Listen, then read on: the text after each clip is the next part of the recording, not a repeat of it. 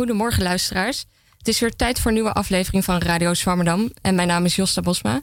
Ik presenteer vandaag de eerste aflevering uit het gloednieuwe dossier Bloed, Zweet en Data. Uh, een dossier dat in het teken zal staan van het menselijk lichaam. En misschien kom je net terug van je vroege hardlooprondje of luister je deze aflevering terug op de fiets. En dan komt dat mooi uit, want we gaan, we gaan het vandaag hebben over wetenschap in de sport. Mijn co-presentator van vandaag is Emma van Venen. Emma, als jij op zondag niet hier zit in Pakhuis de Zwijger, ben je dan aan het sporten of niet? Nee, maar ik kijk dan meestal wel heel veel sport. Of ik luister voornamelijk heel veel naar sport op zondag. Oké. En te gast vandaag uh, zijn Tom Stevens, momenteel docent-onderzoeker bij het Instituut Sport en Bewegen aan de Hogeschool van Arnhem en Nijmegen. Je hebt je promotieonderzoek gedaan uh, over de trainingsbelasting van voetballers bij Ajax. Vanmiddag speelt Ajax uit in Rotterdam tegen Excelsior. Kan je een voorspelling van deze wedstrijd, van de uitslag geven? Een voorspelling, ik verwacht een uh, overwinning. Een relatief makkelijke overwinning. Okay. Laten we zeggen 1-3. Oké, ben ik het mee eens. en ook de gast is Thomas Jansen, hoogleraar in revalidatieonderzoek met betrekking tot dwarslesie en aangepast sporten. Welkom. Uh, we gaan het zo onder andere hebben over het belang van sport uh, voor mensen met een handicap. En uh, voordat we het daarover gaan hebben, vroeg ik me af of u ook een voetbalfan bent. Zeker weten. Ook Ajax? Of, Uiteraard. Ik ben Amsterdammer. Dus, okay, gelukkig. en onze columnist vandaag is Bas Belleman. Uh, Bas, kan je al een tipje van, je sluier, van de sluier oplichten over je column? Ja, ik ga het hebben over uh, doping en het pact met de duivel. Oké. Okay. Nou, ik ben zeer benieuwd.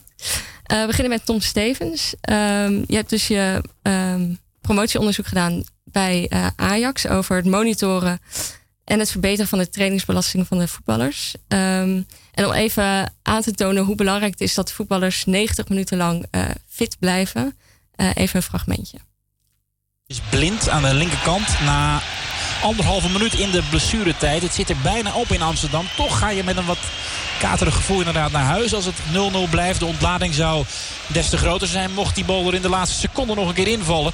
Veel ja. mooier wordt het niet. Je, geloof, je hebt ergens het gevoel nog. Ja, dat, dat, dat, kan. Maar ja, het gevoel is misschien nergens op gebaseerd. Nog anderhalve minuut dus. En Blind heeft een breedschot naar De Licht. De Licht naar Schöne. En zo gaat Ajax nog even de krachten sparen voor het laatste slotoffensief. Bal gaat naar voren. Blind naar Neres. Oh, daar zit Conti mis. En dus kan Neres komen aan de linkerkant. Neres in 16 meter.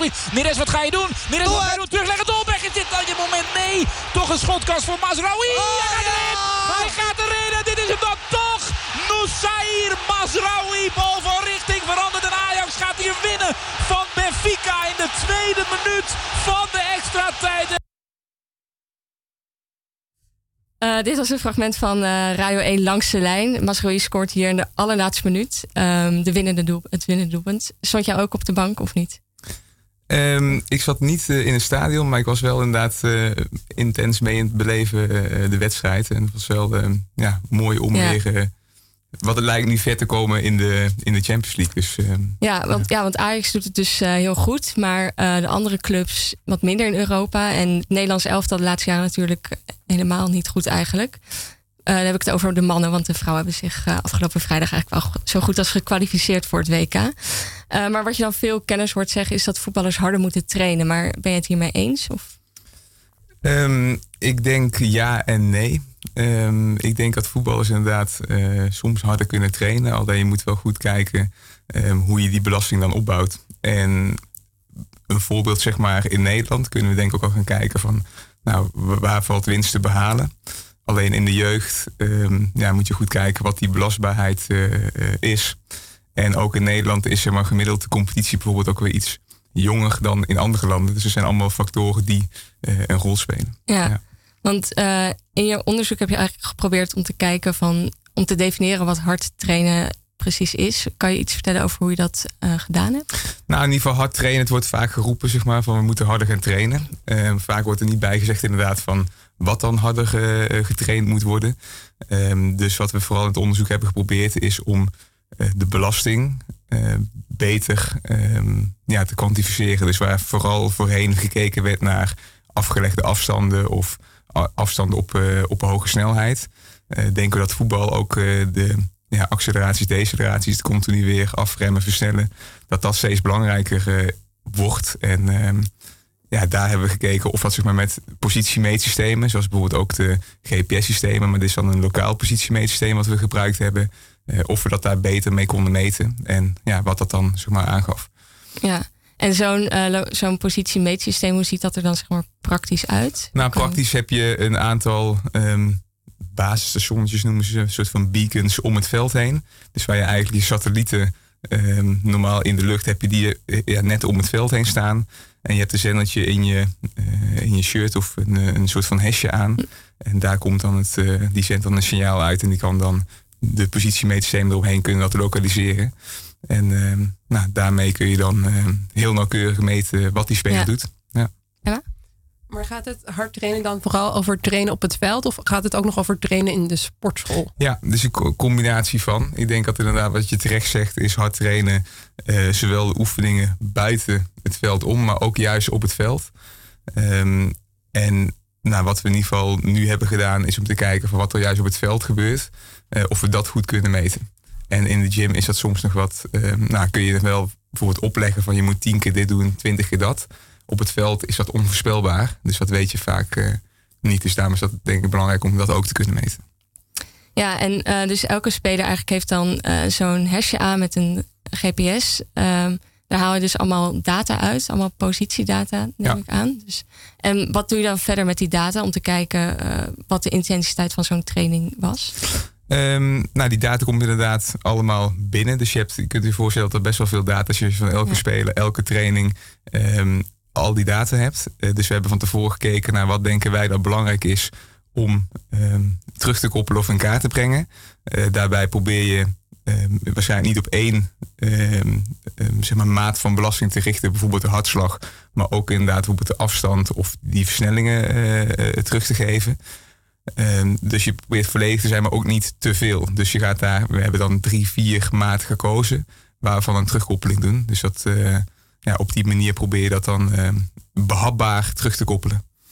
Bas? Ja, mag ik even vragen? Is het, uh, wat is het precies het doel eigenlijk? Is dat die spelers fit houden of dat ze nog betere spelers worden?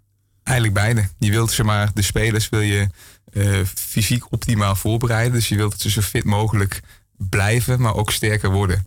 Uh, binnen bepaalde grenzen. Kijk, bij voetbal is um, zoveel mogelijk afstand afleggen in de wedstrijd is niet het hoofddoel. Uh, maar het is een middel om tot die prestatie te komen.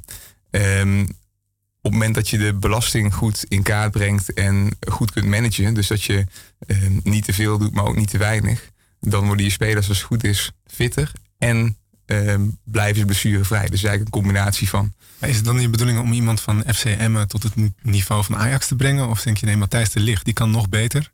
Dat moeten we zien te bereiken met het onderzoek. Wat is, uh, wat is ongeveer het mikpunt? Nou, het is denk ik um, beide. Dus we, we zijn in eerste instantie zijn we gaan kijken van uh, hoe kunnen we het meetbaar maken.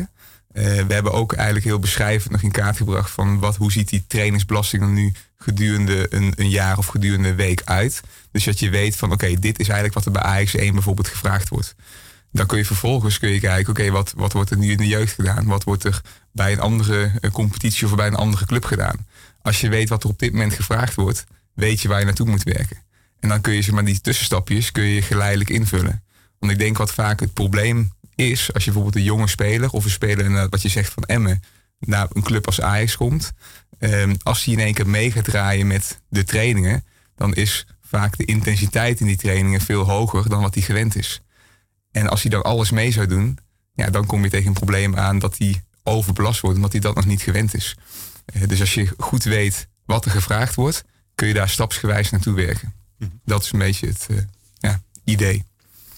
Ja, en uh, wat je bijvoorbeeld veel statistiek tijdens zo'n voetbalwedstrijd zie je soms wel eens onder in beeld hoeveel kilometer iemand gelopen heeft. Maar uh, wat vooral uit jouw onderzoek kwam, is dat eigenlijk dat wenden en keren, dus dat het versnellen, dat dat eigenlijk uh, meer bepalend is voor de belasting van, van een voetballer. Klopt dat? Ja, klopt. Op, um, uiteraard denk ik dat er in ook Champions League wedstrijden bijvoorbeeld meer afstand afgelegd wordt dan in een gemiddelde amateurwedstrijd.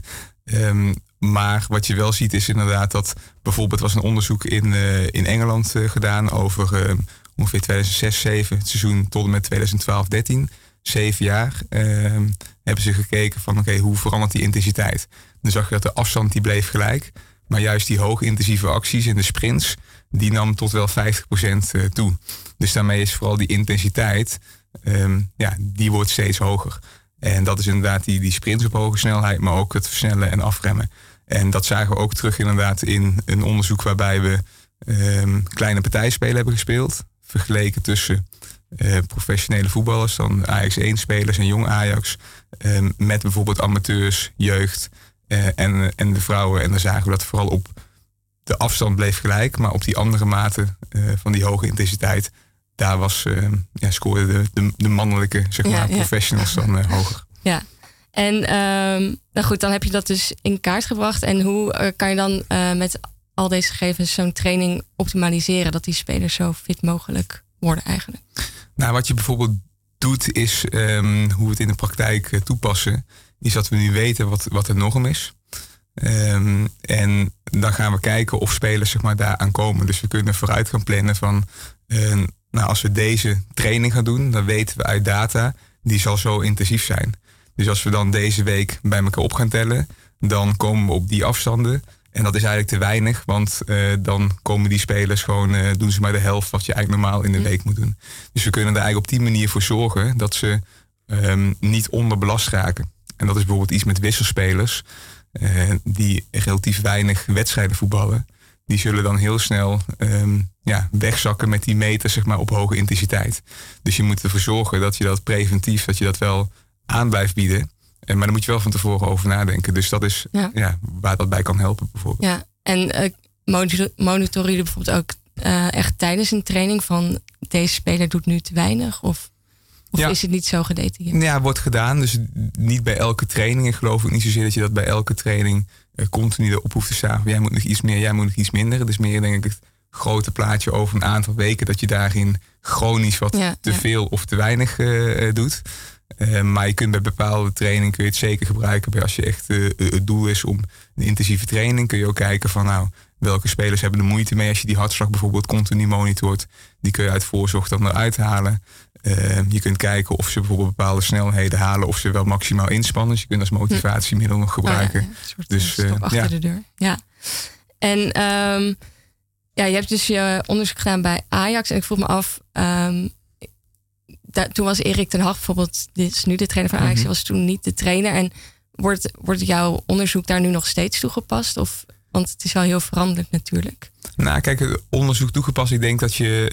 Um, toen ik zeg maar, bij Ajax kwam, toen was er nog um, was er wel een monitoring. Maar dat is wel zeg maar, in die jaren dat ik er zat, samen met het hele team, zeg maar, wat je Sport Science team, wat er nu nog steeds zit, uh, is dat redelijk um, uitgebreid. Dus waar we eerst een aantal trainingen deden van het eerste, wordt dat nu ook bij Jong Ajax en bij de, de A-junioren bijvoorbeeld gedaan. Um, en ik denk als je een promotieonderzoek daar gaat doen, dan komen er resultaten uit die interessant zijn om te publiceren. Um, maar ondertussen leer je er als club heel veel van.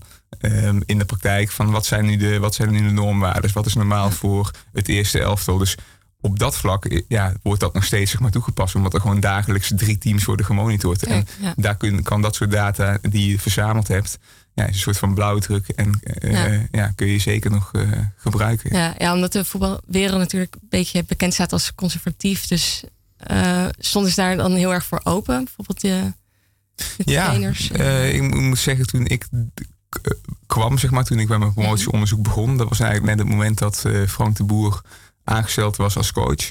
En ja, hij, hij stond heel erg open voor uh, nieuwe invloeden en zag het echt als een kans van nou, heel eigenlijk uh, um, onbevoordeeld van nou laten we kijken wat het uh, kan brengen. En die paar procent die het kan brengen, nou, die is mooi meegenomen. Dus ik denk dat hij daar wel een goede mix in vond van um, hoeveel uh, niet blind erop varen. Dus ook wel die eigen intuïtie en eigen ja. ideeën. Maar wel kijken van hey, waar kan de meerwaarde zijn. Dus dat was wel heel prettig. En dat was ook een beetje, denk de stabiele factor in al die jaren dat ik daar zat. Want hij was toen ja, vier, vijf jaar ook uh, coach. Dat is op zich tegenwoordig ook wel vrij uniek. Dat je dan, ja, ja. ja. En uh, naast de fitheid van voetballers speelt uh, tactiek in het voetbal natuurlijk ook een hele grote rol. je bent momenteel betrokken bij een project dat voetbaltactiek eigenlijk meetbaar probeert te maken. Klopt? Ja, klopt. En ja, voor alle luisteraars die eigenlijk niks met voetbal hebben, wil ik toch even een fragment laten horen waarin Johan Cruijff over voetbaltactiek praat, zodat we toch een beetje een beeld krijgen. Uh, hier is Tom Egbert in gesprek dus met Johan Cruijff aan de vooravond van het EK van 2008. Dus al aantal jaar geleden. En vooraf alvast een geruststelling: het is niet erg als je dit niet helemaal kan volgen. Marco heeft er sinds gisteren een probleem bij. Robben valt weg voor de eerste wedstrijd tegen Italië. Babel is vorige Is week al al weggevallen. Hoe zou jij dat oplossen? Elk nadeel heeft zijn voordeel. Je kan er natuurlijk veel kunsten mee uithalen. Nederland zelf heeft veel kwaliteit. En, en, en ze lijken een beetje op elkaar. Of je nou van Persie neemt of eh, Van de Vaart neemt of dinges neemt. Dan zeg je ja, als je toch mensen hebt die niet te diep spelen... want dat is nou eenmaal hun kwaliteit niet... dan waarom zou je dan een dubbele midden, middenveldverdediging nemen? Die mensen spelen altijd al op het middenveld. En dan, eh, dan praat je over, eh, over, eh, over de kwaliteit verdedigen. Wat is verdedigen? Verdedigen is een kwestie van hoeveel ruimte moet ik verdedigen? Als ik die hele tuin moet verdedigen, ben ik de slechtste. Als ik dit stukje moet verdedigen, ben ik de beste. Even terug naar de vraag. Alles heeft te maken met meters, meer niet. Dus hoe zou jij... Dus ik zou zeggen, nou, zet er één in de spits. Maken we Tutti Van Frutti van. Van Maken we. Tutti Frutti van. Maar maak er dan een beetje eh spielerigheid van. Want een kopie van Robben, Robben is het toch niet.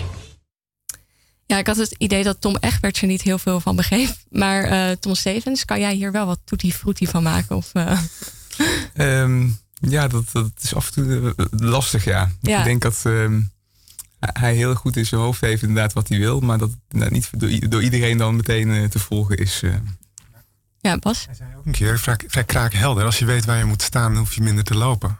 Ja. Dat is eigenlijk volgens mij wat hij hier ook probeert te zeggen. Het, eh, als Ja, je maar een heel klein je- stukje veld hoeft te, te bestrijken. Ja, hij zegt inderdaad wel volgens mij een, eh, iets, een zinnetje wat wel heel duidelijk is. Namelijk ehm, dat het eigenlijk allemaal te maken heeft of te maken hebt met meters. En eh, hoe maken jullie die voetbaltactiek? Die maken jullie eigenlijk ook zichtbaar toch door datzelfde GPS-systeem? Of niet? Ja, het is in ieder geval de, de LPM's in lokale positiemetersysteem, Oh, ja. wat iets dan nauwkeuriger eh, lijkt dan de GPS-systemen. Ehm, en Klop is inderdaad een project, het, eh, de, de Secrets of Playing Football, eh, waarbij er ook wat meerdere eh, universiteiten betrokken zijn, ook Braziliaanse universiteiten onder andere. En we gaan inderdaad op zoek naar hoe we die tactiek dan meetbaar kunnen maken. En ehm, een van de dingen die we doen is ook ehm, vanuit de handen, zeg maar, Hogeschool aan de Nijmegen, om eh, zijn we eigenlijk ehm, ja, gevraagd om die praktische implementatie te doen. Dus gaan we ook vooral met coaches zitten van wat bedoelen jullie? Ehm, eh, hoe eh, zien jullie tactiek inderdaad? En dan komen dit soort aspecten wel naar voren. Dus ruimtes die je weggeeft. ja, dat is wel een, een, een punt wat, wat je bijvoorbeeld wel eh, zichtbaar kunt maken. Je kunt bijvoorbeeld de buitenspellijn eh, zou je kunnen tekenen. Eh, je zou kunnen gaan kijken van hoe spelers staan, welke ruimtes ze eventueel kunnen verdedigen en welke ruimtes ze dan openlaten of eigenlijk weggeven aan de, eh, aan de tegenstander. Dus het is inderdaad ehm, ja, goed, belangrijk denk ik om te luisteren naar dit soort eh, Ja, ja. mensen die heel veel zinnige dingen te zeggen hebben en goed dingen in hun hoofd hebben zi- zitten. En vervolgens te kijken hoe je dat met die data dan ehm, Ja. inzichtelijk kunt maken. Ja, want je kan natuurlijk, eh, omdat je zoveel eh, posities hebt van al die spelers, kan je natuurlijk heel veel variabelen verzinnen, denk ik. En hoe bepaal je dan wat een goede variabele is? Want je kan afstand tussen spelers of tussen verdediging en aanval, ik verzin maar wat. Maar Klopt, we vliegen dat ook in ieder geval in het project uit van twee kanten in. Dus één proberen we heel erg zeg maar, ehm, de coaches uit te vragen van oké, ehm, bijvoorbeeld laten we situaties zien van, en dan vragen van oké, hoe zou jij dit, ehm, wat moeten de spelers in jouw ogen gaan doen en waarom moeten ze dat doen? Dat ze uit gaan leggen van waarom bepaalde keuzes, eh, waarom die leiden tot gewenste resultaat. Dan gaan we echt vanuit die coachkant. Aan de andere kant, bijvoorbeeld de Universiteit Leiden, zitten veel op de computer science kant. Eh, en die gaan dan eh, kijken met data mining onder andere. Met een, een groot aantal variabelen, zoals inderdaad afstand tussen spelers. Je kunt de afstand tussen de aanvaller en de, de, de aanval en de verdediging weergeven. En gaan daarin kijken, oké, wat welke acties of welke samenhang van die variabelen leidt nu tot succes. Eh, Ja. En succes kan bijvoorbeeld zijn eh, dat je de bal in de 16 meter van de tegenstander krijgt. En dan ga je op die manier ehm, ja, kijken welke variabelen daar eventueel bij horen. Dus het wordt van twee kanten dan Ja. eh, aangevlogen. ja, je zegt de bal in de 16 meter, maar succes is niet een doelpunt per se. Dus. Ja, het succes is eigenlijk, ultieme succes is een doelpunt. Alleen het, het nadeel van ehm, als je met bijvoorbeeld data mining of andere eh, ehm, dan eigenlijk succesvolle acties wilt definiëren, dan heb je er maar een heel klein aantal per wedstrijd. Ja, Omdat ja. er relatief Ja. weinig doelpunten gemaakt worden. Dus je gaat kijken van wat is dan ook succes. Nou, als je in ieder geval in die 16 meter komt, van, van daaruit heb je weer de meeste kans om te scoren. Dus je gaat dan in verschillende fases, kun je ook zeg maar nog zeggen van dat is ook succes. Ja, en ook eh, nu vooral over dus aanvallende successen, maar verdedigen is ook een heel groot deel van het voetbal. Klopt. Eh, heb je daar dan ook bepaalde variabelen in waar het blijkt dat de ene ver- ver- verdedigingstactiek beter werkt dan de andere? Of? Nou, da- daar zijn we nog op, naar op zoek. Ja. Dus het is nog vrij eh, begin van een project waar we bij in eerste instantie vooral kijken nu naar het aanvallen. Maar ook het verdedigen inderdaad. Bijvoorbeeld die ruimte die weggegeven wordt.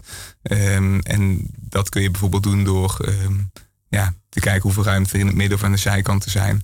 Ehm, dat dat zijn variabelen die je daarin mee kunt nemen. Dus dat, we Ja. hebben wel de ideeën erover, maar dan moet nog Ja. blijken inderdaad o- wat voor succes dat is. En dat is dan inderdaad geen scoringsgeschrift dat de tegenstander inderdaad niet in de 16 meter komt. Of Ja, dat. Dus dan ga, je- ga je het eigenlijk omdraaien. Ja. En eh, zeg maar in het ideale scenario kunnen jullie dan, denk je, de, ooit de beste tactiek gaan bepalen? Of is dat. eh, Nee, ik denk dat er geen eh, beste tactiek bestaat. Ik denk Nee. dat er eh, meerdere tactieken kunnen leiden tot een gewenst resultaat. En eh, de vraag is of er een aantal principes zijn, bijvoorbeeld zoals net Cruijff eh, aangaf, zorgen dat je maar weinig ruimte hoeft te verdedigen, dat je onderling zo staat. ja, dat, Dat- je dicht bij elkaar staat? dicht bij elkaar Ja. zetten zijn misschien wat algemene principes die Ja. in meerdere tactieken ehm, eh, geldig zijn.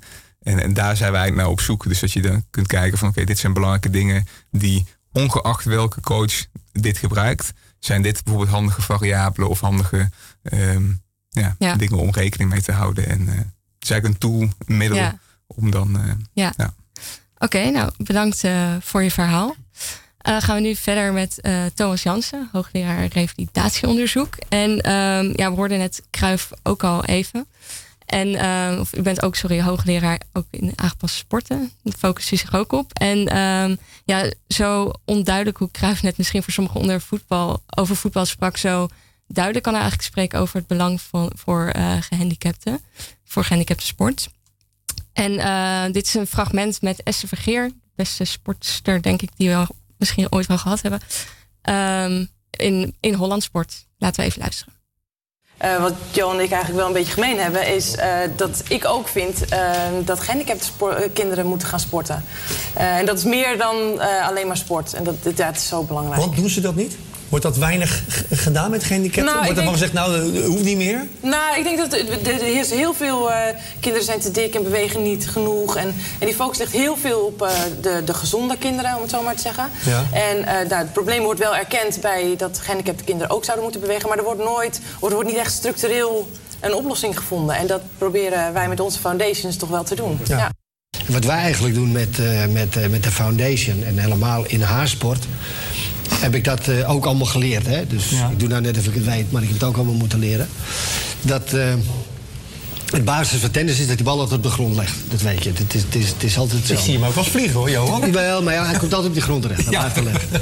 Dus als je als, je als tennister in dit geval, of een tennisser, eh, die bal duizend keer oppakt... dan kun je morgenochtend ook je Messi vork oppakken.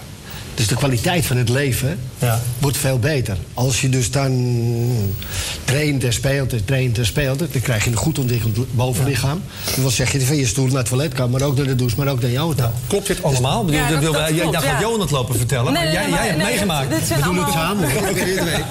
Dit zijn ja, van die hele praktische voorbeelden, maar het klopt wel. Ik bedoel, Ja. het is Ben niet... jij eh, twee keer zo sterk geworden? Ja. Bij wijze van spreken, Ja, met ja je bovenlijf. zeker. Ja, en ik moet, ja, alles komt op mijn bovenlichaam aan natuurlijk. Als ik daar ook maar iets, eh, een blessure aan oploop, dan, ja, dan ben ik heel afhankelijk. En ik wil niet afhankelijk zijn. En door sport word je dus onafhankelijk. Ja, ja. Krijg je meer zelfvertrouwen. Weet je wie je bent en wat je kan en waar je staat in de maatschappij. Dus Ja, Thomas, eh, ja, klopt dit eigenlijk een beetje wat Esther Vergeer en Johan Cruijff hier zeggen? Eh, nou, dat klopt zeker. Ik kwam eh, Esther overigens toevallig nog tegen van de week. En dan, dan, dan geef ik er altijd een hand natuurlijk. Maar dan ben ik altijd onder de indruk van eh, hoe stevige hand zij geeft.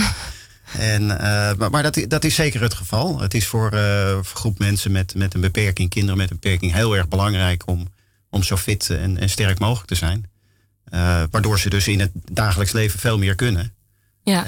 En gewoon een beter leven kunnen leiden. Ja. En hoe toegankelijk is dan eigenlijk sport voor deze groep mensen als het zo belangrijk is? Ja, nou, gelukkig in, in Nederland redelijk goed. Uh, ik, ik, vergeleken met, met de rest van de wereld hebben wij uh, echt goed geregeld hier. Um, er zijn ook de laatste 20, 30 jaar heel veel sporten ontwikkeld voor uh, mensen met beperkingen.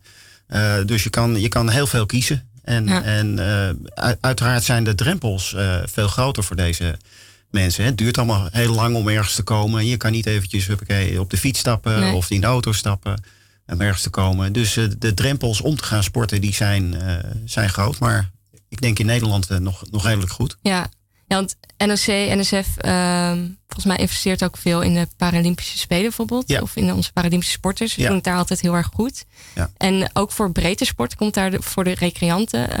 houden zij zich daar ook veel mee bezig? Of? Ja, NOC-NSF die uh, is natuurlijk in eerste instantie gericht op, op uh, de topsport. Het gaat om de medailles halen, maar ze begrijpen ook wel dat, je, uh, dat het voor iedereen goed is. Maar ze moeten natuurlijk ook een hele basis hebben. Je moet, je moet daaronder de piramide moet natuurlijk ja. breed zijn om uiteindelijk prestatie te kunnen leveren. En ja, ja en die, in, in Nederland hebben wij ongelooflijk veel topsporters op Paralympisch niveau. En we hebben, ik, ik was twee jaar geleden in, op Bali en daar moest ik een presentatie geven. En daar had ik het ook was er dus één sporter, die hadden zij wat gesponsord, die mensen daar die er waren. En die bleek zo goed te zijn, die is toen naar de Paralympische Spelen gegaan. En dat was de enige die een, een medaille had gehaald, één bronzen medaille. En ze hebben dus 275 miljoen mensen, ja. één bronzen medaille.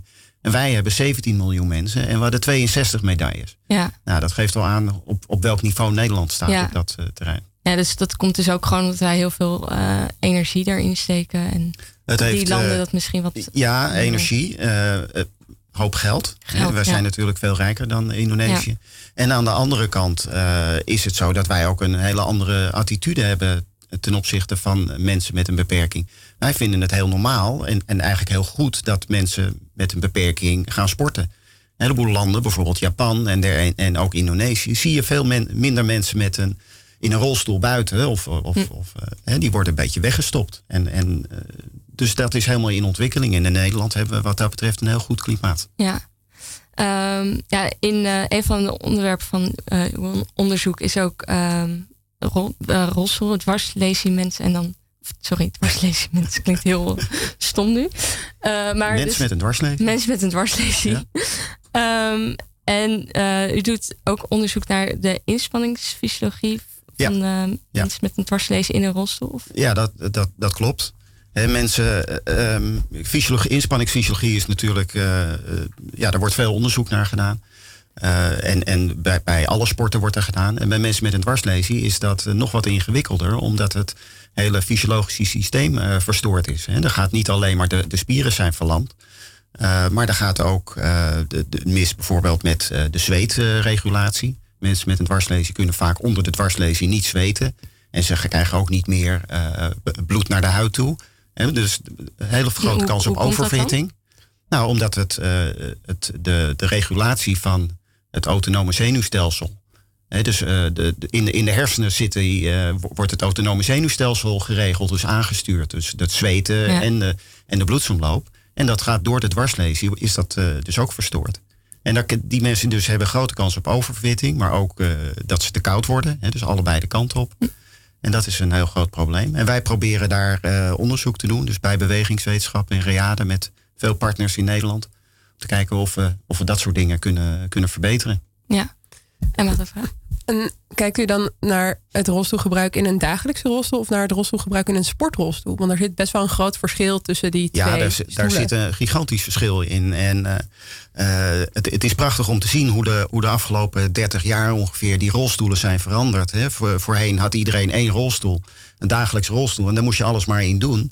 Nou, mede door het onderzoek vanuit, vanuit Nederland, bij de, bij de VU, door uh, professor Van der Woude, die heeft het opgezet in de jaren 80. Uh, zijn, mede daardoor zijn de, de rolstoelen, de sportrolstoelen heel anders geworden. Heel gespecialiseerd. Hè. Je hebt dus specifieke rolstoelen voor rolstoelbasketbal. Die zijn weer anders dan voor het rolstoeltennis. Uh, rolstoelrugby bijvoorbeeld, dat zijn soort tanks. Uh, die, ja, die botsen allemaal tegen elkaar op. En die hebben dus een hele andere eisen. En dus die worden helemaal door, op, op gemaakt. En wat het, het mooie daarvan is, is dat het blijkt dat die mensen daar veel meer mee kunnen. He, voorheen werd gezegd van ja, je zit in een rolstoel en als je niet zoveel kan, ja, dat, jammer dan. Maar dat komt omdat je gehandicapt bent. Maar veel van het onderzoek heeft laten zien dat als je die rolstoel gewoon goed, goed maakt en goed aanpast op de persoon, dat je daar veel, veel meer mee kan. En dat geldt ook voor het, voor het dagelijks leven. Dus we, we zien niet meer van die, van die chrome, chrome tanks eh, in het dagelijks leven. Het zijn allemaal redelijk sportieve rolstoelen. eh, waardoor de mensen veel meer kunnen in het dagelijks leven. En dat is een, een prachtige ontwikkeling, denk ik. En maakt u dan ook nog verschil tussen mensen met een... Je hebt een hoge dwarslesie Ja. en een lage dwarslesie? Ja. Ja, zeker. Dat is een heel groot probleem. Mensen met een hoge dwarslesie, die hebben dus vaak ook een, een, eh, een probleem met hun armen. En van- handen. vanaf hoe hoog ongeveer is een hoge dwarslesie? Een hoge dwarslesie, ja, als, zeg maar op, op nekniveau eh, is een hoge dwarslesie. Die hebben dus ook een, een verstoorde armfunctie. Sommigen kunnen helemaal niks meer. Nou, die met hun armen bewegen, dus die kunnen ook niet in een rolstoel eh, rijden. Ehm, maar er hebben ook een heleboel mensen die hebben een beperkte armfunctie en handfunctie. En voor hen is rolstoelrijden heel erg lastig. Je moet je voorstellen dat je dat je hoepel moet voortbewegen en je kan je hand niet eh, knijpen. Eh, dus ehm, dat, dat, dat is heel lastig. En wij doen dus ook onderzoek naar hoe, ja, hoe, hoe doen die mensen dat dan? En hoe kan je dat mogelijk, eh, hoe kan je dat mogelijk verbeteren? Er is een sport rolstoel rugby. En dat is speciaal voor mensen met, met beperkingen aan hun, aan hun handen. Ehm, maar als je ziet, als je naar zo'n wedstrijd gaat, nou, het is een fantastische sport. Je ziet wel heel veel verschillen tussen spelers.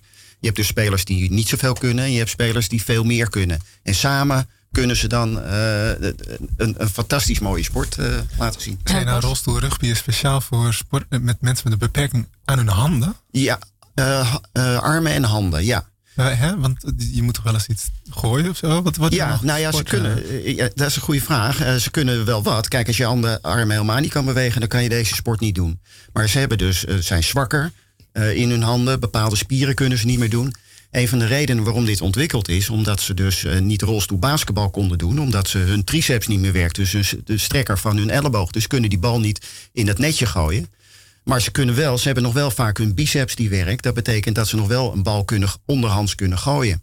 En, en zo werkt die sport nu. En ze moeten dus eigenlijk de bal van de ene kant naar de andere kant brengen. Zoals eh, ook met rugby, eh, het gewone rugby gaat. Het is een vrij harde sport, toch? Het is een heel harde sport. Zijn er, ja, zijn, er, zijn er wel eens mensen die dan een nog hogere dwarslezing krijgen in die sport? Nou, dat vraag ik me ook wel af. Ehm, ik, ik weet dat niet dat dat eh, gebeurd is. Maar eh, wel ook, denk ik, hersenletsel. En dat, want ze vallen eh, uit die rolstoel en behoorlijk, eh, behoorlijk hard. Maar in principe zitten ze dus in, in een soort tank. Waardoor ze redelijk goed tegen elkaar op kunnen gaan. Maar ja, ze vallen er af en toe wel uit. En dan krijg je ook wel weer blessures. Dus dat, Ja, ik weet alleen iets meer van rolstoelbasketbal. Mijn vriend rolstoelbasketbal Oké, ja. namelijk.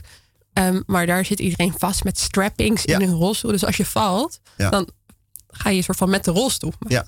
Val je mee? Is dat dan bij rolstoel? Ja, bij rolstoel rugby zitten ze nog meer eh inge- ingetaped. Maar ja, goed, als je omvalt, dan ben je, ben je toch altijd geneigd om je hand uit te steken. eh, en, en je op te vangen. Nou, dat, dat is al heel lastig. En dat is vooral met mensen. Als je beperkte armfunctie hebt, nog lastiger.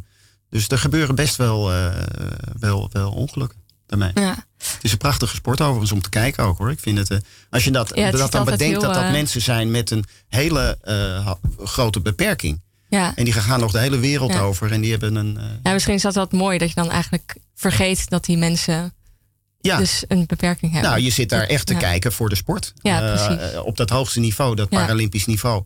En we zijn in Nederland, eh, hebben, hebben een, een, een jong team, een Nederlands team, dat echt aan de weg timmert. En die zijn nu net eh, eh, kampioen geworden in de, in de B, B-divisie in, in Europa. Die gaan nu naar de A en die gaan mogelijk ook naar de Paralympische Spelen. Daar hopen ze naartoe te gaan. Ja, en, en dat wordt steeds professioneler. Er wordt, de, de meeste Paralympische sporters in Nederland, die zijn, die zijn fulltime Ja. sporter. En vaak ook professioneel. Dus dat ze. Ja, ja en eh, vorige week geloof ik eh, was er een nieuwsbericht eh, dat mensen of dat onderzoekers in Zwitserland hadden ehm, mensen Ja, met een met dwarslesie rugmergstimulatie. ja, ze. Ja. weer kunnen laten Ja. lopen. Was dit echt een baanbrekend onderzoek? Ja, dat is baanbrekend. Het is overigens niet, niet de eerste keer hoor. Er gebeurde in Amerika waren er ook al ontwikkelingen. Eh, maar eh, eh, wat duidelijk blijkt is door deze ontwikkelingen dat er veel meer mogelijk is dan we altijd dachten bij het herstel van een, eh, van een dwarslesie. We moeten overigens wel daar kanttekeningen bij plaatsen, omdat het nog heel ver weg is van Ja. dat je er echt weer mee gaat lopen. Ja, ze kunnen nu geloof ik een aantal meters misschien. Ja, en dan moet je heel hard Ja. trainen en dergelijke. En, en je moet dat, het wordt vaak een beetje, ja, de, de belangrijkheid van het lopen wordt een beetje overschat, uh, denk ik. Uh, het is maar één van de problemen die die mensen met een dwarslesie hebben. Die hebben een hele lijst aan, aan mogelijke problemen. Ze hebben doorzitplekken. Nou, ik zei over de temperatuurregulatie, ja. innovatie van het hartproblemen. Heel veel darm- en, en blaasproblemen, ja. incontinentie. Uh, en eigenlijk moet je aan al die problemen werken om, om die mensen zo gezond en fit mogelijk ja. te houden.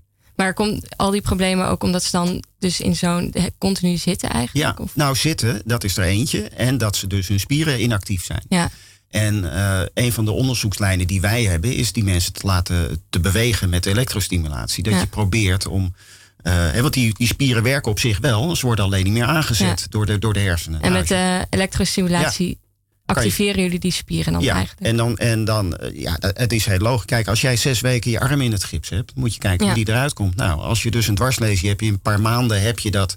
eh, de- je doet er niks mee. Nou, dat, dat wordt, alles wordt slecht. De spieren, de Ja. botten, de circulatie, de huid. En je krijgt er heel veel problemen door. En dat is dus niet alleen in de revalidatie, maar in het dagelijks leven. En dat is voor, die, voor de sporters is dat ook een heel groot probleem. Ja. Dus wij doen onderzoek niet alleen om, om prestatie te verbeteren, dus kijken hoe, hoeveel meer vermogen je kan leveren, maar ook hoe kan je al die problemen, die specifieke problemen die ze hebben, hoe kan je die, Ja. hoe kan je die eh, verminderen? Ja, ja en, En- dan en dan gaat het veel verder naar, dan alleen sport natuurlijk ook. Het, eh, het Dat- heeft heel veel invloed natuurlijk ook op het dagelijks leven. Dat heeft eh, heel veel, ja. Dus het geldt voor iedereen. Eh, alle mensen met een dwarslezen die hebben pro- bijvoorbeeld problemen met, het, hi- met hitte. Ja. En ze hebben problemen met doorzitplekken. En nou, dat, dat wil je echt niet hebben, zo'n doorzitplek. Want Nee, daar- dan, nee. dan ben je weken, kan je daarmee, of maanden kan je daarmee uitgeschakeld zijn. En moet je op je buik liggen of een operatie hebben. Dat zijn echt dramatische dingen die in het eh, dagelijks leven eh, vreselijk moeilijk maken. Ja. ja. Tom, je hebt een vraag. Nee, daar hebben we het vaak misschien over topsport dan. Van Ja. revalidatie en of in ieder geval eh, beperkt sport in ieder geval met, met topsport. Maar eigenlijk is revalidatie is natuurlijk ook wel gewoon topsport om terug te komen op een normaal niveau of op dagelijkse bezigheden, et cetera. Ja, nou dat, dat is zeker zo. De, revalidatie is heel zwaar. En, en sporten en bewegen en, en therapie is, daar een fysiotherapie is daar een heel belangrijk onderdeel van. Ik denk overigens dat wij eh, dat, dat er nog wel een tandje harder eh, gewerkt wordt hoor, in het algemeen. Dus ik ben bewegingswetenschapper. Ik denk van nou, dat, dat mag nog wel iets, iets vaker en wat meer in de weekenden en 's avonds. Maar het, het is heel zwaar voor die mensen om, om, om dat te doen, ja. Maar het geldt natuurlijk voor het hele continuum. Hè. We hebben sport en bewegen in de revalidatie. Maar daarnaast ook de actieve leefstijl en, en fitness. eh, tot aan de topsport toe. En er wordt wel vaak gezegd, ja, je hebt, je hebt eh, topsport en, en je hebt gehandicapte sport. Nee, je hebt eh, sporten voor mensen met beperkingen, gewoon om, om actief en fit te zijn, maar ook de topsport. Ja, die, die- dat, dat hele continuum heb je. Dus, Ja. Ehm, nou goed, dank je wel voor je verhaal. Oké, graag gedaan. Eh, dan gaan we nu verder met de column van eh, Bas. Wil je nog wat inleiden of eh, wil je gewoon meteen beginnen? Nou, laat ik maar gewoon beginnen. Oké. Toch? Ja. Hoe we de wereld zien, zegt vaak meer over onszelf dan over de wereld. En zo is het ook met sport. Wie over sport praat, die verraadt iets over zichzelf. En ik kan het niet helpen. Bij sport denk ik al snel aan doping. Maar wat verraadt dat? Wat wil doping zeggen? Niet over de sporter, maar over mij. We weten dat doping een rol speelt in de sport en soms ook een grote rol. En toch blijven we kijken. Wielrennen behoudt een zekere charme, ook al weten we hoeveel verboden middelen de renners gebruiken. Wie gaat het snelst? Wie zet de aanval in? Er zijn ook sporten waarbij we het niet weten. Ik denk zelf dat er ooit een dopingschandaal in een tennis zal uitbreken. breken. En dan blijkt iedereen schuldig behalve Roger Federer. Dat is mijn voorspelling. Maar we weten het niet. Er zijn maar een paar dopinggevallen bekend. En moet je kijken hoe ze de ballen langs de lijn slaan. Het is niet te geloven, met of zonder doping. En ook vermoedens van matchfixing storen me niet bijzonder. Ik wantrouw wel eens een wedstrijd, maar zo kijk ik ook naar een detective. Ik wantrouw de personages, ik wantrouw zelfs het script. Dat is toch niet te geloofwaardig, maar ik blijf wel kijken. Maar zou ik zelf ooit doping nemen? Als ik beter zou schrijven dankzij doping, als ik meer van Shakespeare zou begrijpen dankzij doping, ik ben een Shakespeare-vertaler, zou ik me er dan aan bezondigen? De geleerde Faust eh, sloot een pact met de duivel, met Mephistopheles. En hij kreeg alle rijkdom, kennis en genoegens die hij begeerde in ruil voor zijn ziel. De bluesgitarist Robert Johnson verkocht bij een kruispunt zijn ziel aan de duivel om de beste gitarist van de wereld te worden. En zo verkopen sporters hun ziel aan doping, of nog erger matchfixing. In mijn eigen leven zou een pact met de duivel iets anders betekenen, namelijk verzengende toewijding aan de poëzie. Doping is mijn leven overhoop gooien, weg bij vrouwen en kinderen, weg bij mijn vrienden. Om mij alleen nog maar op Shakespeare en de poëzie te storten. De liefde mag dan alleen nog maar als muze in mijn leven opduiken en niet als opdracht. Niet als het tijdverslindende gezinsmonster dat tussen mij en mijn toetsenbord op een knuffel staat te wachten. Dat zou mijn doping zijn. Niet de alcohol, niet de Ritalin in de doordrukstrip, niet de health food. En matchfixing? In mijn leven zou dat zijn het onversneden netwerken met schrijvers en uitgevers. En ik doe het niet. Ik ben vader, ik ben man, ik ben journalist. Poëzie en Shakespeare zijn teruggedrongen tot avonturen. Dus wat gebeurt er als ik naar sport kijk? Ik zie de spelers en denk: heb je je ziel hiervoor verkocht? Was dit het waard? Mephistopheles zit naast me op de bank en zegt: neem er een voorbeeld aan. En dan roep ik dat hij mijn huis uit moet. Dat hij mij en mijn gezin met rust moet laten. En dan zet ik de televisie uit. Ja, dankjewel. Um, ja, ben je dan eigenlijk een soort van uh, boos op die sporters? Of bewonder je ze ook dan wel dat ze... Ik bewonder het natuurlijk ook, ja. ja. Maar als ze, als ze dus bijvoorbeeld, ik weet een Lance Armstrong natuurlijk de bekendste. Hoe, hoe reageer je daar dan op? Ja, het, is natuurlijk, het, het, is vreselijk, het is vreselijk. Maar het is ook, het is toch ook heel mooi. ja. het, is, het is vreselijk omdat je eigenlijk zou willen zeggen, nou, eh, laten we nou uh, eerlijk blijven met elkaar en dan kijken wie de beste is. En valspelers is dat is natuurlijk allemaal heel naar. Ja. En tegelijkertijd het drama wordt niet per se kleiner als iemand vals speelt. Het kan nog steeds heel dramatisch zijn. Het drama is een deel waarom we naar sport kijken. We kijken niet alleen maar, je meet het niet alleen. Sport is niet alleen maar data. Sport is ook het drama. Sport is ook uh, het, uh, is ook het, het slechte karakter. Zo'n Mourinho bijvoorbeeld, langs de lijn. En dan zeg je niet alleen maar, nou, ik ben benieuwd of je wint. Je bent ook gewoon benieuwd of je weer uit zijn plaat gaat. Louis van Gaal bij een persconferentie. Dat is ook sport. Ja. ja. ja sport is niet alleen maar data. Tom, wat vind jij daarvan? Als... helemaal mee eens. Zou jij doping nemen als je dan een betere wetenschapper werd? Um, nee. Maar dat is inderdaad ook een stukje misschien waarde die je zelf hebt. Um, en dat is denk ik ook misschien de menselijkheid waar je dan uh, um, naar sport kijkt of naar dat soort dopinggevallen misschien kijkt. Ik uh, denk voor iedereen persoonlijk een afweging is van hoe ver wil je gaan, hoe graag wil je iets. Ja. En ik denk dat voor iedereen een afweging is tussen um, hoe graag wil je iets bereiken in die sport.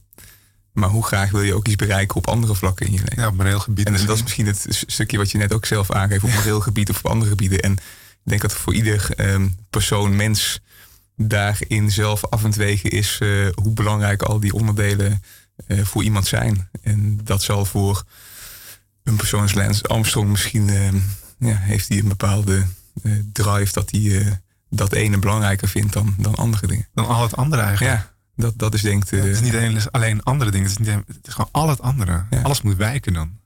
Ja, maar dat vind ik dus ook heel fascinerend. Hè? Ik ben dan ook heel benieuwd of je niet veel verder komt met, uh, met zo'n instelling. Je denkt, nou, dit kan me allemaal niet schelen.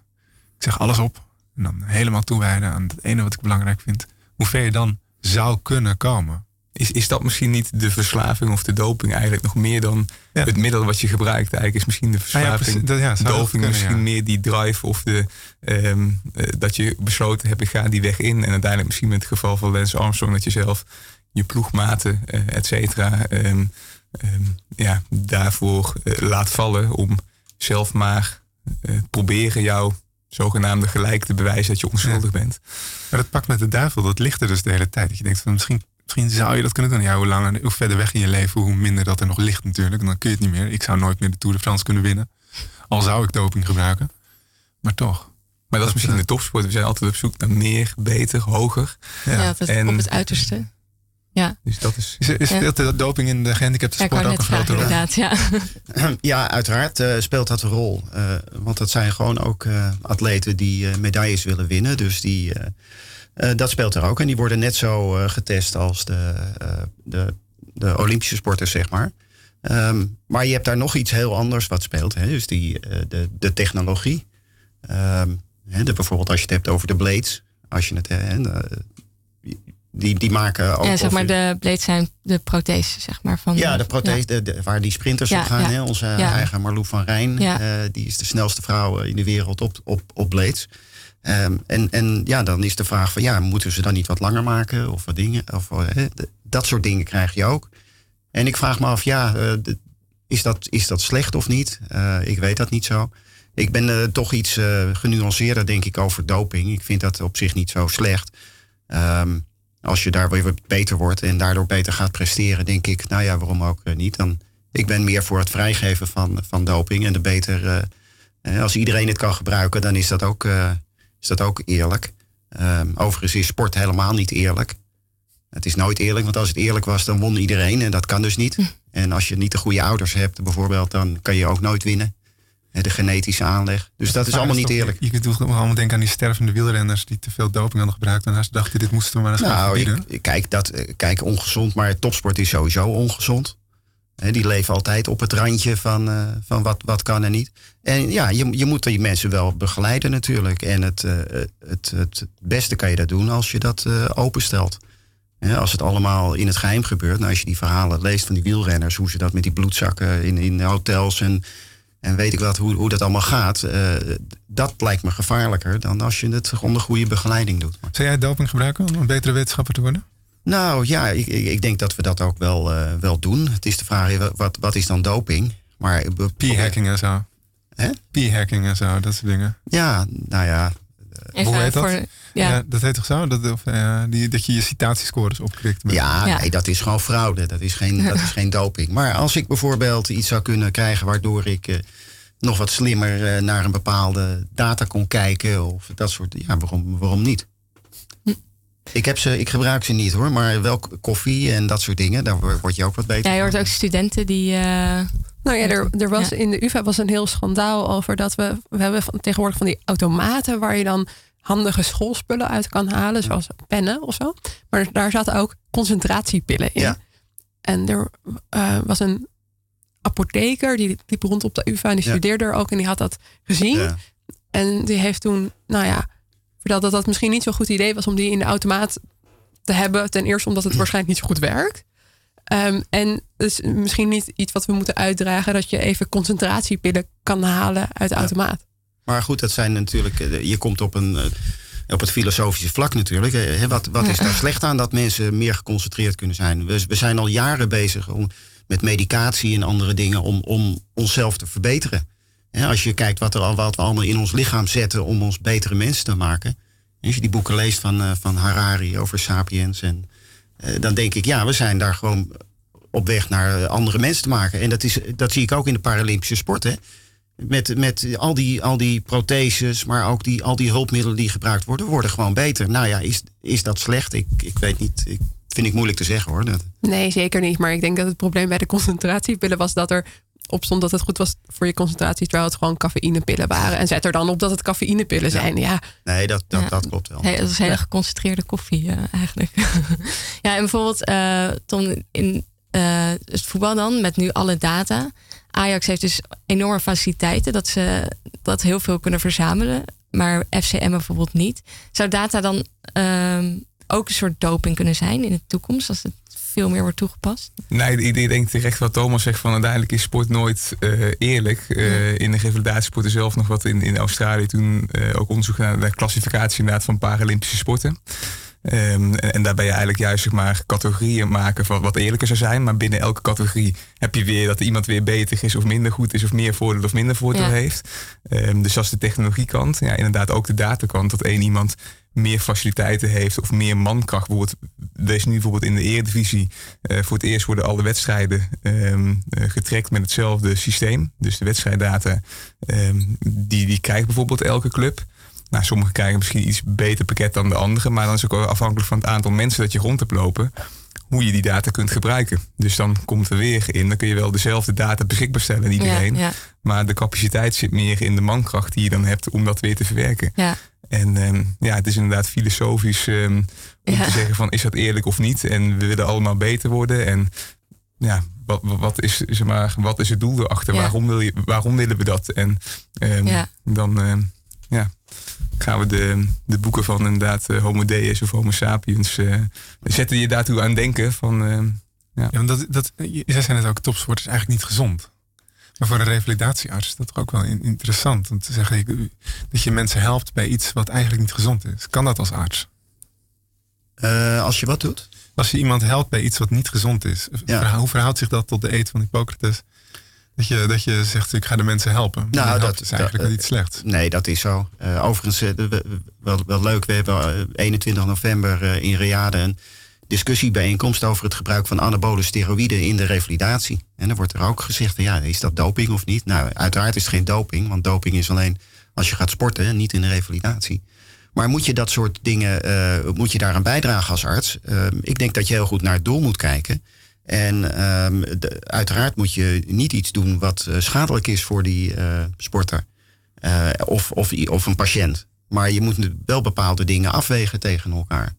En als je mensen beter kan maken en dat op een verantwoorde, verantwoorde wijze kan doen, dan is, dat, dan is dat in mijn ogen wel goed. De doping in de revalidatie lijkt me ook niet echt een moreel probleem. Dat, nee, maar toch is het, uh, speelt dat wel. Uh, als je het hebt over anabole steroïden, ja, het wordt in Nederland niet veel gebruikt. En dan vraag ik me af, ja, waarom niet? je wordt daar sterker door. En dat is juist een probleem bij deze mensen, dat ze vaak verminderde kracht hebben. En als je dat dan daarmee een beetje kan helpen. Maar toch wordt het niet gebruikt, omdat er nog iets kleeft van doping. En doping is dus slecht. En dat, dat mag je niet gebruiken. Nou ja, daarom hebben we die discussiebijeenkomst. Moeten we dat nou meer gaan gebruiken of niet? Weten we er al voldoende van? Weten we ook wat de, de, bijwerkingen zijn bij deze mensen? Want je moet natuurlijk niet, uh, niet nog meer problemen veroorzaken. Ja, krijgen ze gekke haargroei of zo? Of dat soort dingen? Of is nou ja, het, het, als je het, de specialisten, de mensen die er veel van af weten, erover hoort, is als je het maar op een verantwoorde wijze doet. Dus uh, niet te veel en niet te vaak en veel rust nemen. Uh, dan dan voorkom je de meeste van de problemen. Wie zijn die specialisten? Hebben die allemaal zo'n zwart balkje over hun... Uh, wie zijn die specialisten? Hebben die allemaal zo'n zwart balkje over hun ogen? Of is het... Uh, nee hoor. Wie, nee, er, er, er zijn genoeg mensen die daar, die daar vanaf weten. En ja, de, dan hoor je gewoon dat als je het op verantwoorde wijze doet... dan heb je gewoon minder problemen. Waar, waar echt het probleem zit in, in, het, in de wildgroei. dus als je kijkt naar hoeveel er in de sportscholen gebruikt wordt. En dat halen ze allemaal van internet. En ze weten niet wat ze halen. Ze nemen veel te veel. want het kost ook wel wat tijd om dat op te bouwen. Nou, dan gaan ze opeens, gaan ze, zien ze niks. En dan gaan ze nog meer gebruiken. En ja, die mensen komen in de problemen. En dat is hetzelfde met de topsporters. Die daar niet goed begeleid worden. Uh, dus je moet je denk ik afvragen van ja, wat wil je dat ze het uh, gewoon uh, ongeremd gebruiken en, en, ze doen maar wat. Of je begeleidt ze daarin. Ja. Ik weet niet precies wat het beste is, maar in, ik, ik denk voor het laatste dat, dat, dat ik daarvoor zou kiezen. Ja, oké. en um, nog even om terug te komen op jullie onderzoek. Wat ik eigenlijk wel um, een mooie overeenkomst vond, is eigenlijk dat jullie um, heel erg de vertaalslag proberen te maken van dus, zeg maar, het onderzoek naar de praktijk. En kunnen jullie daar misschien nog even kort zeggen waar je nog uh, daarin tegenaan loopt? Tom, om met jou te beginnen. ik bedoel, eh, als jij zo meteen een tactiek, jij tegen Ronald Koeman gaat zeggen van je moet eigenlijk zo spelen tegen Frankrijk. Gaat hij dat aannemen bijvoorbeeld of, of toch niet? Nee, ik, ik, denk waar je tegenaan loopt is dat um, um, wat je vaak ziet bij coaches, maar, of, of in ieder geval in de praktijk, gebeuren heel veel dingen intuïtief. En die zijn denk ik uh, vaak gebaseerd op uh, jarenlange ervaring, wat denk ik vaak heel goed werkt. Um, en in de wetenschap proberen we het uh, echt hard te maken. En ja. die twee werelden uh, die botsen nogal eens. Om die bij elkaar te brengen, dat is wel altijd nog een, uh, een uitdaging waar je tegenaan ja. loopt. Dus daarom denk ik juist dat um, aan de voorkant het uh, betrekken van coaches, van um, de praktijkmensen heel erg helpt om um, ja, de, ja. de datawetenschap te kunnen gebruiken. Ja, dat beter land ook. Ja. ja.